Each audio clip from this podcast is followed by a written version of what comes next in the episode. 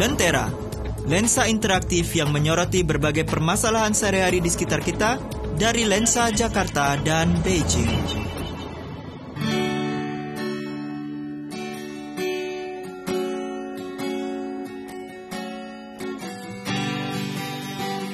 Sobat Lentera, senang sekali hari ini bisa kembali menjumpai Anda dalam program kesayangan kita, Lentera Lensa Interaktif, di mana kami akan menyajikan berbagai topik pembahasan menarik yang ditilik dari sudut pandang Beijing dan Jakarta. Hari ini Anda ditemani oleh saya, Christine, dan juga dua rekan saya, Nining. Halo Sobat Lentera. Dan juga Cinghua. Apa kabar para pendengar? Hari ini kita akan ngomongin tentang sebuah uh, fase kehidupan yang di mana saya percaya semua orang pasti melewati ya, mm -mm. yaitu kehidupan setelah sekolah. Iya, ya karena Ada. kemarin kita udah bicarakan tentang yang pengalaman yang pahit. Iya, pengalaman pahit untuk ujian ya. Oh, tiap kali ujian, ujian, ujian. Tapi setelah tamat sekolah, uh, setelah kita meninggalkan semua masa-masa ujian bebas. itu, uh, masa-masa ujian itu kita akan mengenang kembali uh, ujian dulu di sekolah. Yeah. Karena ujian di masyarakat itu jauh lebih berat daripada yeah, ujian di yeah, sekolah. Iya, yeah, iya, yeah, yeah, benar sekali. Jadi apa sih bagaimana tantangan dan kehidupan setelah sekolah, setelah universitas? Bagaimana biasanya mm, para mahasiswa setelah tamat sekolah itu merencanakan kehidupan setelah tamat dari universitas? Misalnya uh, adik saya, adik hmm. perempuan saya, dia uh, kebetulan tahun ini lulus dari universitas. Uh, dia rencananya banyak. Dia udah janji sama teman-teman sekolahnya, uh, universitasnya dia mau ke sini, ke sana, ke luar negeri, ke luar provinsi. Habis tamat SMA ya? Uh, uh, universitas. Oh, tamat universitas. Uh, uh, oh, udah universitas. Universitas tapi dia mulai bulan lalu. Dia udah kerja ke oh. uh, perusahaan yang dia udah janji udah uh, rencana sih banyak ya kenyataan nggak ada ada. waktu sudah. Iya iya. Betul sekali. Kita sudah kalau uh, pikir-pikir waktu kita baru lulus juga uh, kita uh, waktu lulus maunya jalan-jalan dulu. Uh -huh. uh, tapi sebenarnya kita udah sampai ke saat itu rasanya waktu untuk jalan-jalan sudah nggak ada Mm. Iya, karena aduh, harus sudah harus ke uh, kantor ya. Mm. Uh, dan udah ke kantor, wah setiap tahun ada lima hari bisa jalan-jalan. Masa cuma lima hari? iya kan? dalam setahun 15 hari bukannya? Lima hari. Oh, lima hari. Oh, kerja sampai 10 tahun baru ada 10 hari. Oh, kenapa perasaan si Syofan tiap hari jalan-jalan terus? Ya karena dia udah senior. Oh. dia udah lewat 15 tahun. Mungkin karena bayangin ya, 9 tahun kita uh, sampai SMP ya. Uh -uh. SMP 3 tahun lagi 10 11 12 12 tahun sampai SMA. Uh -uh. 4 tahun universitas. Berarti totalnya uh, eh, 16 tahun kita sekolah. Jadi dalam kehidupan uh, kehidupan kita ini kita nggak tahu apa-apa. Oh kita tamat tamat universitas itu sekitar 22 tahun ya. Mm. 22 mm, sampai 23 tahun. Yeah. Selama 23 tahun kehidupan kita, kita nggak tahu kehidupan lain selain sekolah. Iya. Dan tiba-tiba dilempar ke masyarakat. iya.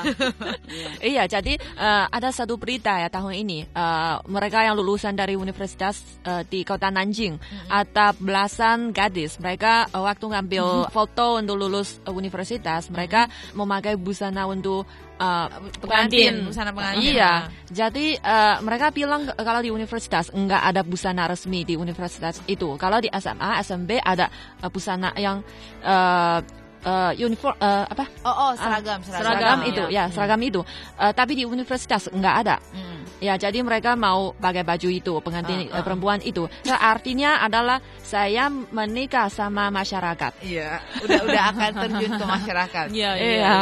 Tapi menurut aku sih ya, kalau rencana setelah universitas itu setiap generasi dan uh, seiringnya perkembangan zaman itu beda-beda. Hmm. Jadi dulu mungkin uh, pas zaman-zaman uh, orang tua kita hmm. gitu, orang tua kita dulu kan zamannya jarang sekali yang bisa belajar sampai universitas. Hmm. Nah, mungkin sampai uh, SMA aja mereka udah langsung yeah. oh, akan kerja gitu. Yeah. Tapi di generasi sekarang di mana uh, perkembangan ekonomi udah bagus, yeah. mereka hidup berkecukupan. Mm. Udah deh, mau lihat-lihat dunia dulu. Mungkin uh, kan lagi ngetren tuh kan, work yeah. and travel gitu, uh, uh, jalan-jalan sambil cari duit ke New Zealand, ke ke Amerika mm. atau uh -uh. atau ke negara-negara itu. Uh, uh. Di sono uh, kasih makan domba pun jadi atau mm. petik stroberi pun jadi, pokoknya jadi petani gitu selama setahun. Uh, uh, uh, uh. Tapi untuk merasakan kehidupan selama setahun, baru akhirnya dia bersedia cari kerjaan stabil. Hmm. Nah, itu, itu tren sekarang ya. Tren sekarang. Dan, dan dan juga banyak anak yang saya merasa yang yang cukup yang bahagia ya. Hmm. Mereka mau lanjutin terus sekolahnya oh, iya, S2. Sampai S2. Jadi eh, sampai S2 terus bisa lanjutin lagi. Iya, Bi- ngomong-ngomong bisa dia- tentang iya. S2 ya. Kalau misalnya cari kerjaan di Tiongkok ini, mereka lebih pentingin eh, pengalaman kerja atau S2 sih? Kalau sama-sama dapat S2 dia akan pentingkan pengalaman. oh, kalau sama-sama S2 dia akan pentingkan pengalaman. Kalau Uh-uh. di antara S1 dia pasti pilih yang S2. Tapi misalnya ada dua orang nih, yang satu pengalaman kerjanya lima tahun deh, Ah, yang Ah. satunya lagi baru tamat S2 gitu. Jadi Hmm. perusahaan akan lebih mentingin yang mana, mendahulukan yang mana? Lihat perusahaan yang mana. Ya, kalau ya, di institut enggak. yang riset itu pasti Uh-uh. S2 lebih di cenderungan itu. Mm, Uh, kalau uh, di bidang yang berusaha yang yang yang lebih mementingkan praktis. mm. Jadi misalnya dia mau merekrut seorang untuk berkomunikasi sama orang di pasar atau uh, seperti itu, dia akan mementingkan pengalaman kerja. Oh, oh, atau apa tergantung apakah ya, kamu uh. punya hubungan dengan masyarakat Mm, yang mm, luas? mm, mm. Memang Ter- ini tergantung juga dia Mm. mau cari eh, cari orang yang yang yang sekarang kan ada satu peluang yang kosong. Mm, Jadi yang yang kosong ini adalah untuk orang yang baru masuk, yang belum mulai praktek. mm, mm, Kalau mm. gitu dia akan pilih yang S2 daripada yang S1. Tapi kalau sekarang misalnya yang eh, yang yang S1 ini yang udah kerjanya lima tahun, dia di kantor yang sebelumnya udah sampai senior. Mm, mm, mm. Tapi sekarang dia mau pindah ke kantor yang baru, baru, ini. uh-uh. Mungkin sekarang yang kantor yang ini yang perlu adalah ca- cari yang yang senior, bukan yang dari yang oh. bermulanya. Berarti ya. itu tergantung Hmm. kebutuhan ini juga Iya, ya. Tapi uh, uh. secara umum, secara umum mereka lebih mementingkan pengalaman atau S2.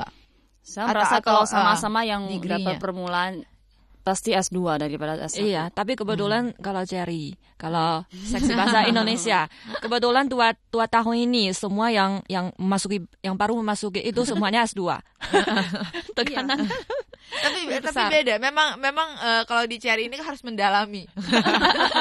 Gak cuma bahasanya, tapi harus mendalami kultur budaya dan segala macam. Jadi perlu ya S2. Iya. Kita juga mau melakukan riset dan investigasi kan. Heeh. Jadi kalau em, kalau kita lihat dari eh, eh, rencana untuk melanjutkan pendidikan ya. Kalau kadang-kadang mungkin ada orang yang menganggap oh itu berusaha me nggak mau cepet-cepet terjun ke masyarakat. Ma- masih mau main-main dulu. Betul. Apakah demikian? Hmm.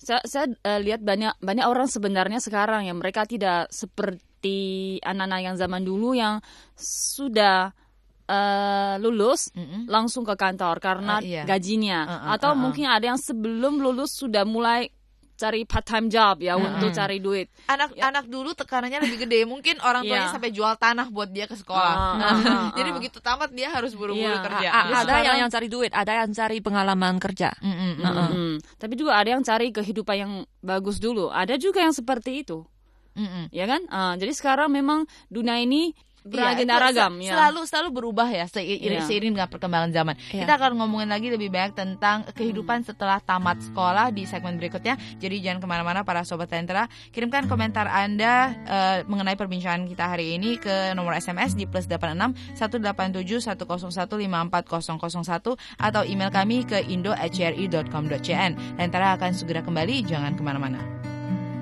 也许不会再看见， 离别时微黄色的天。有些人注定不会再见，那些曾青涩的脸。我拿去种莲树的叶子，放在青涩的石板前，祭奠那些流逝的青春。和曾懵懂的誓言，风在歌唱，唱它曾去过的地方，在黑暗中，有朵花为你开放。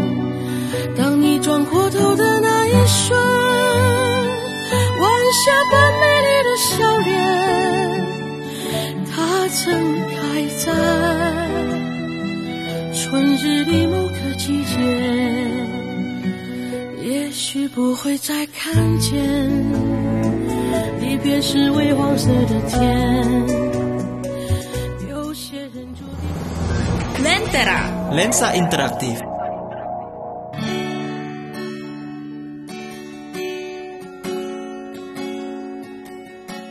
kembali lagi ke Lentera bersama saya Christine Nining dan juga Cinghua masih dalam topik pembahasan kita hari ini yaitu kehidupan setelah tamat sekolah. 23 tahun kita habiskan di bangku sekolah di mana akhirnya kita harus menghadapi kenyataan bahwa kita harus mulai mandiri lepas dari orang tua dan segala macam. Dan tentunya itu bukan pilihan yang gampang ya. Dan begitu tamat aja udah dihadapkan pada pilihan oh melanjutkan uh, pendidikan atau langsung kerja nih. Nah, kalau misalnya masih mau S2 lagi kapan dapat duitnya gitu kan. Mm, Uh, Tapi saya merasa eh, sekarang ini kalau yang memasuki S2 itu bukan karena dia mau mandiri atau nggak mau, Mm-mm. tapi mereka terpaksa karena waktu mencari kerja sangat susah. Mm-mm. S2-nya mungkin eh, lebih aman saya rasa. Tapi yang eh, nah aku penasaran kalau misalnya dari orang tua sendiri, orang tua susah-susah gitu yang mendukung anaknya sampai tamat tamat universitas. Mm-mm. Eh, biaya untuk universitas juga lumayan tinggi Iya. kan. Nah, biaya universitas eh, tempat tinggalnya, makan dan jajan segala Iya. macam itu sangat biaya yang sangat besar. Itu bisa Iya. beli rumah, kayak kan? Heeh.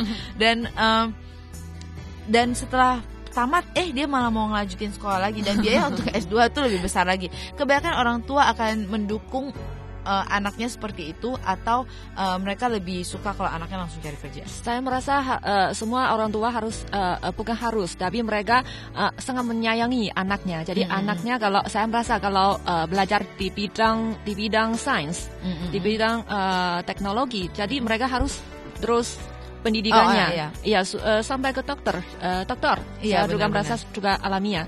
Tapi kalau misalnya seperti saya belajar bahasa bahasa Hmm, kita semua belajar bahasa. kalau bahasanya, saya merasa eh, kalau mau terus meriset sistem bahasanya juga boleh. Kalau mau terus langsung praktek ke pekerjaan, ke perusahaan juga, saya merasa juga boleh. Memang di bidang ini ada dua Uh-uh. ya, lebih lebih ada yang lebih teori sama Mm-mm. lebih praktikal. Iya, Uh-uh. iya. Dan kebetulan di bidang bahasa itu lebih praktikal. Memang harus digunakan. Jangan belajar belajar belajar terus bahasa Indonesia tapi nggak pernah dipakai, Iya. gitu kan contohnya. Uh-uh.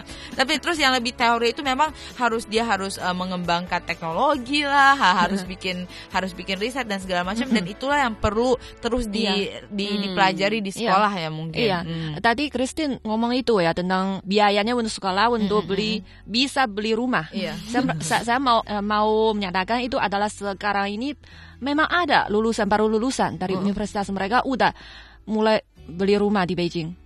Iya, jadi Lulusan universitas sudah beli rumah Iya, dengan dukungan orang tua mereka. Ah, ah, ah. Jadi karena mereka dari provinsi yang lain. Jadi mereka kalau mau bekerja di Beijing, mau hidup di Beijing untuk selama-lamanya, jadi eh, mereka harus beli rumah dengan sedini mungkin Mm, mm, mm. Mi- supaya Jadi biar lebih stabil, jangan bisa jangan naik lagi. di Beijing ya. Iya, Dan ke- kenapa ini semua sepertinya universitas kerja semuanya harus berkumpul di Beijing. Ini juga seperti Indonesia jadinya, semuanya Iya, harus iya, berkumpul iya. di Jakarta. Jadinya tambah padat ini kota. Karena merasa mereka merasa kesempatan di sini lebih ba- banyak kan. Nah itu itu juga sesuai dengan kenyataannya, faktanya. Dan itu itu, Beijing itu memang sangat ada bagus. di setiap setiap negara. Ya kota-kota besar di Tiongkok lah ya, semuanya Iya. punya masalah yang sama di mana banyak sekali orang yang eh, sibuk pindah. Iya. seperti di Shanghai, uh, Iya. di Guangzhou dan segala macam itu di mana kota-kota berkembang itu selalu kedatangan banyak pendatang. Jadi banyak sekali setiap kali saya ketemu orang di Beijing, dari Beijing bukan. Mungkin dari 10 orang yang saya ketemu cuma satu yang beneran. Sisanya itu pendatang. Iya, iya itu eh, seperti hal yang yang banyak orang dari seluruh dunia mau pindah ke Amerika. Amerika. Oh iya, benar sekali. Jadi impian setelah tamat sekolah Nining sama Cinghua ini apa? cari duit.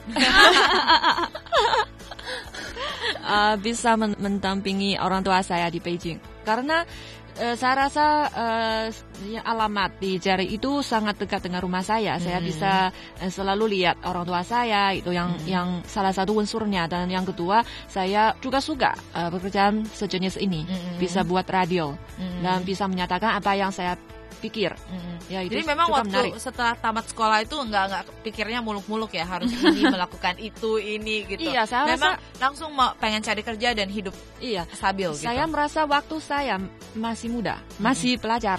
saya cukup cukup eh, bukan bodoh ya, tapi cukup cukup uh, apa sangat jelas tujuan saya apa. Uh, uh, uh, uh, uh. saya bukan seperti anak-anak sekarang ini. Mereka uh, baru lulus dari uh, SMA, mereka uh, udah tahu waktu lulus dari universitas uh, dia mau uh, tinggal di Beijing atau ke Alah, itu kan ngomong doang atau, pas SMA. Nanti beneran udah habis tamat universitas juga dia berubah.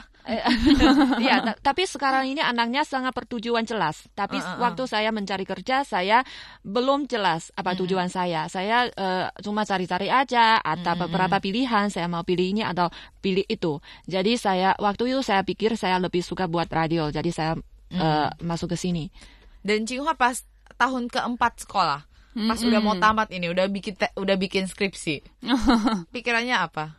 Uh, saya waktu itu seperti Ning juga, mm -hmm. ya mungkin sama-sama anak tunggal dan mm -hmm. anak perempuan, jadi mm -hmm. maunya iya jangan jauh-jauh dari Beijing, mm -hmm. karena bisa dekat orang tuanya, mm -hmm. dan juga uh, iya ada hubungan dengan bahasa Indonesia. Jangan uh -uh. nanti saya belajar udah lama dan di iya disia-siakan ya ini empat tahun belajarnya. Mm -mm. Ya dan saya merasa uh, waktu saya lulus belum ada S2 di uh -uh. universitasnya di jurusan bahasa Indonesia. Jadi -uh. nggak nggak usah pikir mau S2 apa enggak. bagus juga ya. Duluan uh, bagus juga uh, susah pilih, pada susah masa pilih. itu. Uh. Dan, Jadi nggak nggak ada pilihan banyak. Iya, dan ternyata saya sekarang lihat yang S2 yang lulus dari S2 itu saya merasa mereka uh, yang udah lulus ya, berarti dua tahun uh, berarti umurnya dua lima atau dua enam. Saya merasa dua tahun itu daripada di S2 belajarnya lebih bagusnya belajar di belajar kantor. Di kantor. Hmm. Ah. Ya, Ada cepat. perbedaannya nggak bilang dari dari kemampuannya? Cinghua lihat sendiri, Cinghua pas masuk pertama kali masuk dan uh, bekerja dengan yang S2 kali ini yang masuk dan bekerja dengan title S2. Ada ada bedanya nggak kemampuan Ada bedanya. Kalau yang S2 dia mungkin bahasanya oke, okay, mm tapi dia ya? prakteknya kurang. Mm Ya jadi dia uh, dia tahu cara belajar. Mm-hmm. Ya, mungkin dia belajarnya lebih cepat daripada yang orang yang lulusan S1. Mm-hmm. Tapi kalau yang uh, daripada umur yang sama kita lihat uh, mungkin yang uh, apa ya kemampuan untuk kerja ya mm-hmm. yang pasti yang S1 yang udah kerja dua tahun pasti lebih bagus daripada yang baru lulus dari S2. Mm-hmm. Kalau mm. di universitas saya uh, S2 jurusannya bukan bahasa Indonesia mm. lagi. Jadi uh, jurusannya adalah uh, pertukaran uh, kebudayaan antara hmm. Tiongkok atau Indonesia atau hmm. uh, Asia Timur itu uh, pokoknya uh, jurusannya tentang budaya. Hmm. Jadi mereka lebih me, uh, meriset apa apa wayang huh? atau cerita cerita rakyat atau uh, apa tata bahasa atau apa itu lebih lebih dari Uh, teori itu, tapi uh, mungkin bahasanya uh, juga oke okay, seperti Jinghua bilang itu. Mm Tapi mereka lebih tahu kebudayaan. Mm -hmm. uh -uh. Hmm. Padahal kita di sini kebanyakan ngomongin tentang berita ya, kok jarang ada wayang dan segala Baiklah para sobat tentra, bagaimana menurut anda para mahasiswa seharusnya merencanakan kehidupan setelah tamat kuliah? Silahkan kirimkan komentar anda ke nomor SMS kami di plus 86 187 101 54001 atau email kami di indo@cri.com.cn. Dan kami akan tunggu komentar anda. Kami akan segera kembali setelah pariwara berikut ini. Tetap di Lentera. 午夜列车悄悄带走了青春，最亲爱的人，最美的时光，渐渐刺痛了回忆，留不住什么。换不回什么，青春终究要散场。我得到什么？我失去什么？生命终究要告别，青春再见吧，那放肆的幸福。再见吧那无尽的忧伤在这一瞬间感觉如此靠近在这一瞬间却又如此遥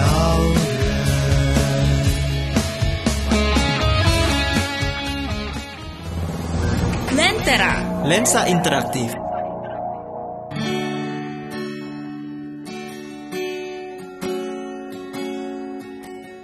Kembali lagi ke Lentera bersama saya Christine Nining dan juga Cinghua masih dalam acara Lentera Lensa Interaktif. Topik pembicaraan kita hari ini adalah mengenai kehidupan setelah tamat universitas dan Nining dan si Cinghua tadi udah menyatakan mereka juga nggak pikir muluk-muluk ya setelah mm -hmm. uh, tamat universitas ingin dekat dengan orang tua mm -hmm. dan itu memang sangat normal sih mm -hmm. karena saya juga kepikiran saya juga kepikiran saya dulu uh, sekolah di luar negeri mm -hmm. dan sekarang kerja di luar negeri ujung-ujungnya kangen kadang bisa kangen juga karena yeah. orang tua akan semakin tua yeah. hmm. orang tua akan semakin tua dan kita semakin dewasa dan uh, saya merasakan satu beban untuk mulai uh, menjaga orang tua. Yeah. Uh -uh. Dan misalnya terjadi sesuatu dan kita nggak ada di de dekat yeah. orang tua itu kan merasa berdosa juga kan. Yeah. Uh -uh. Hmm. Tapi di mana di saat um, kita tamat kuliah dan belum merasakan apa-apa di uh, di masyarakat, uh, banyak banyak sekali mungkin orang punya impian. Uh, kadang mereka memilih untuk kerja di perusahaan tanpa dibayar. Oh, ya kan? Untuk jadi kayak magang. Hmm. -uh. Magang magang intern dulu, itu. Gitu. Uh -uh. Hmm. Itu itu itu keputusan yang baik bukan sih? Karena uh, masih muda gitu ya, baru tamat, yeah. baru tamat, masih muda dan gak ada beban apa-apa. Hmm. Uh -uh. Ada beberapa orang tua yang mungkin mendukung ya, mendukung karena ya modal kamu cuman sertifikat. Iya kan, uh, belum bisa apa-apa. Dan karena kesempatan kerja begitu sedikit sekarang, mm -hmm. uh, jadi ya perusahaan juga ya mau apa enggak nih. Mm. uh, itu mm. itu sebenarnya uh, bagus nggak sih? Apakah itu sebuah kesempatan buat uh, para lulusan baru? Saya merasa yang baru lulus itu kalau uh, ternyata tergantung familinya. Hmm. Saya tetap yang merasa kalimat ini yang yang sangat penting yaitu uh, lihat keadaan masing-masing. Hmm, hmm, hmm. Ya kalau familinya uh, dukung, uh, memang nggak mereka nggak pastikan ha, ha, kamu harus harus yang mementingkan gaji dulu. Hmm. Ya saya merasa satu tahun dua tahun paling tiga tahun biar anaknya bisa cari impian dulu lah. Hmm. Ya bisa sendiri uh, cari bisa um, senang dulu, hmm. cari targetnya seumur hidup. Mungkin selama tiga tahun ini sangat penting. Hmm. Kalau mungkin seperti saya dan ini, ya langsung masuk ke kantor, mungkin mungkin ya waktu kita tua, hmm. sudah tua kita rasa wah dulu saya nggak pernah uh, bayangkan atau pernah coba ya di bidang yang lain. Mm. Mungkin ada yang sedikit uh, sesal juga sedikit. Mm, mm, Ya, tapi kalau yang mereka pernah coba bidang ini, coba bidang itu, akhirnya baru pilih yang terakhir. Saya uh. merasa ini sangat cocok sama saya. Uh. Ya, mereka mungkin tidak ada sesalnya gitu. Tapi hmm. memang saya pernah dengar ya dulu pas saya kuliah itu saya dengar uh, ada guru saya bilang, dosen saya bilang, lima tahun pertama hmm. setelah kuliah setelah tamat kuliah, lima tahun pertama itu adalah masa coba-coba. Hmm. Nah, oh, jadi mungkin ya? lima tahun pertama. Jadi uh, lompat sini, lompat sana, ini ini oh. itu nggak benar semua ya, lima tahun. Jadi setelah tahun berikutnya itu baru lebih stabil, baru seperti yang Cinghua katakan tadi, hmm. mereka baru akan menetapkan inilah bidang saya. Hmm. Uh -huh. Tapi saya saya merasa harus lihat orangnya, hmm. uh, bukan harus lihat uh, uh, familinya gimana, hmm. apakah hmm. mampu, tapi dia sendiri apakah orang yang sangat tahu tahu jalannya gimana. Dia hmm. sangat uh, tahu, tahu tahu diri sendiri. Hmm, hmm, hmm Atau hmm. orang yang dia juga lomba-lomba, dia juga pilih-pilih, tapi dia selalu uh, kurang bagus, kurang bagus, dan dia juga sembarangan pilih. Hmm, hmm. Uh. Tapi memang pada lima tahun pertama itu uh, dari keluarga juga biasanya nggak kasih banyak tekanan ya. Yang penting bisa, yang penting jangan minta uang jajan deh gitu biasanya. Lima tahun pertama itu yang penting bisa kasih makan diri sendiri dulu deh gitu. Jadi biasa mungkin dari keluarga sendiri pada masa itu juga nggak banyak tuntutan. Betul sekali. Hmm. Uh, karena saya merasa kalau dari daripada uh, orang tuanya orang tuanya yang bayarin anaknya, sekarang hmm. udah nggak usah bayarin, nggak usah saya dikasih sudah cukup. Gitu. Iya iya iya. Ah. Tapi mungkin selanjutnya itu juga orang tua sendiri juga udah mulai banyak kebutuhan dan akan hmm. pensiun hmm. dan segala macam di mana uh, tanggung jawab anak akan menjadi lebih besar. Jadi dia juga udah harus mulai stabil. Lima tahun setelah uh, setelah kuliah itu kalau masih belum berkeluarga, wah ini akan jadi masalah lagi, nah, kan? ya, itu itulah fase-fase kehidupan manusia kan nah, tamat kuliah habis tamat kuliah harus uh, cari pasangan nah cari pasangan harus punya anak dan segala macam uh, itu mungkin juga bukan cuma tuntutan keluarga tapi tuntutan sosial juga hmm. Hmm. jadi kalau misalnya uh, bagaimana kalau ya bagi beberapa mahasiswa yang mungkin memutuskan untuk uh, menikah dulu Oh, Hmm, kan di CRI sendiri juga banyak kan yang Ya, baru ya, ya, tahun ya, ya. 87 udah menikah duluan. Heeh. yang belum lulus S2 udah menikah. Iya, heeh. iya iya iya iya. Jadi itu eh, keputusan setelah tamat kuliah menikah dulu. Iya, karena eh, kalau di Tiongkok ada beberapa pepatah yang sangat terkenal. Salah satunya adalah 齐家治国. Artinya harus punya family dulu, harus eh, mengaturkan familinya dengan sebaik-baiknya. Terus Baru cari kerja. baru eh, kamu bi- bisa ngomong, kamu punya kemampuan untuk mengurus negara atau mengikuti urusan Ah, negara. Eh, ada lo- logikanya sih, ya logikanya Iya. sih bagus bener. Kalau keluarga sendiri aja terpecah belah, bagaimana ngurusin negara ya kan? Tapi benar, saya pas masuk CRI saya kaget. Uh, umur 24 nikah. Uh, umur umur, umur segini umur umur pokoknya masih ini banget tapi banyak banyak faktor sih ya. Kadang-kadang itu karena jangankan di CRI, di Departemen Indonesia aja deh. Tapi saya merasa itu pepatah yang itu kalimat yang kuno itu Heeh.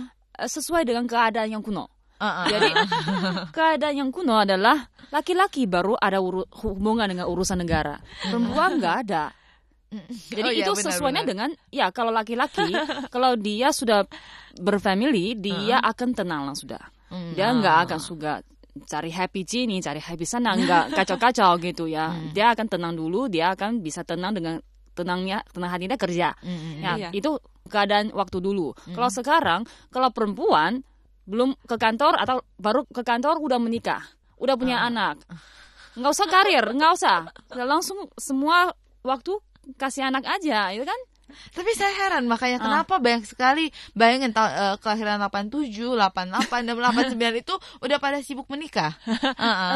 Eh, saya merasa ini adalah suatu kalau kita bisa ada statistik ya, kita Uh-uh. bisa lihat itu eh, indeksnya, Eh, itu lucu sekali karena yang lulusan oh, yang yang lahirnya tahun 70-an, Mm-mm. mereka semuanya pilih usaha dulu. Iya, Jadi, iya, iya, usaha benar. dulu Uh-uh, sampai uh-uh. 30 atau 30 lebih Uh-uh, umurnya uh-uh, baru cari jodohnya. Heeh, heeh. Kalau yang dan dan separoh separoh yang lahirnya tahun 80. 70-an Oh, 70. ah. belum punya anak. Sekarang separoh. Ya, kalau kita lihat eh, Statistik. statistiknya. Uh-uh. Kalau yang 80-an separoh-separoh. Kalau yang 90-an saya merasa mereka, Mereka akan bikin, uh-uh. masih muda sudah menikah dan cepat-cepat punya anak. Rencana Ah. u- tamat kuliah. Saya menikah. merasa ini ada hubungannya dengan orang Beban, tuanya. beban masyarakat. Ah, ah. Ah. Eh, beban masyarakat mungkin ada hubungan juga ya, tapi saya merasa ada hubungan dengan orang tuanya karena orang tuanya yang eh, punya anak yang ah, lahirnya 70-an, Mm-mm. mereka kebanyakan adalah yang waktu mereka masih muda, Mm-mm. impiannya mereka di bidang usaha Mm-mm. kurang tercapai. Jadi Ah, mereka ah, sejak ah. kecil la- eh, mendidik anaknya sudah. Ah, ah. Oh, saya iya, yang iya. Impian saya adalah begini-begini, saya nggak sampai capai saya semuanya. Kalau kamu dia capai saya senang lah. gitu. Berarti berarti memang eh, kondisi perekonomian itu sangat berpengaruh ya pada rencana masa depan anak-anak. Mm, mm, mm, mm. Kon- Kondisi perekonomian memang bisa kita lihat untuk anak-anak yang lahir pada tahun 80-an, 90-an itu kondisi perekonomian mereka jauh lebih baik dibandingkan 70-an. Iya, Hmm. dan Ah. juga eh, eh, tahun-tahun ter- eh, terakhir ini ya ada banyak novel, ada eh, sastra tentang waktu kita lulus kita langsung terpisah. Mm-mm, mm-mm. Jadi mungkin ada banyak mahasiswa mereka yang mau lulus itu juga takut kalau saya juga lulus dan saya dan pacar saya juga akan bisa gimana? Jadi langsung kita menikah. Mm-mm. Uh-uh. Kita bi- langsung bikin kesimpulan aja buat perbincangan kita hari ini ya.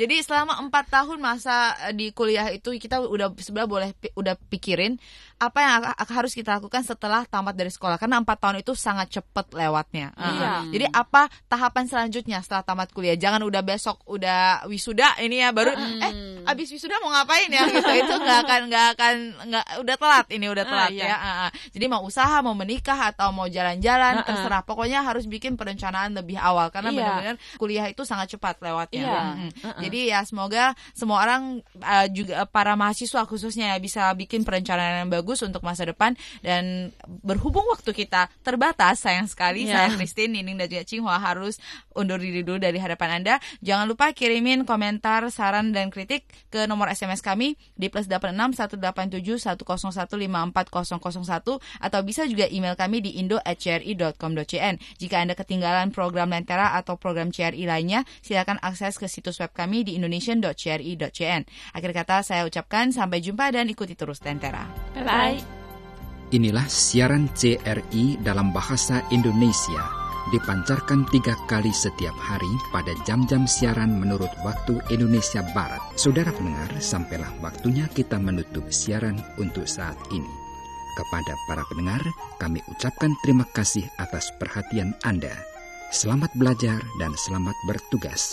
Sampai jumpa.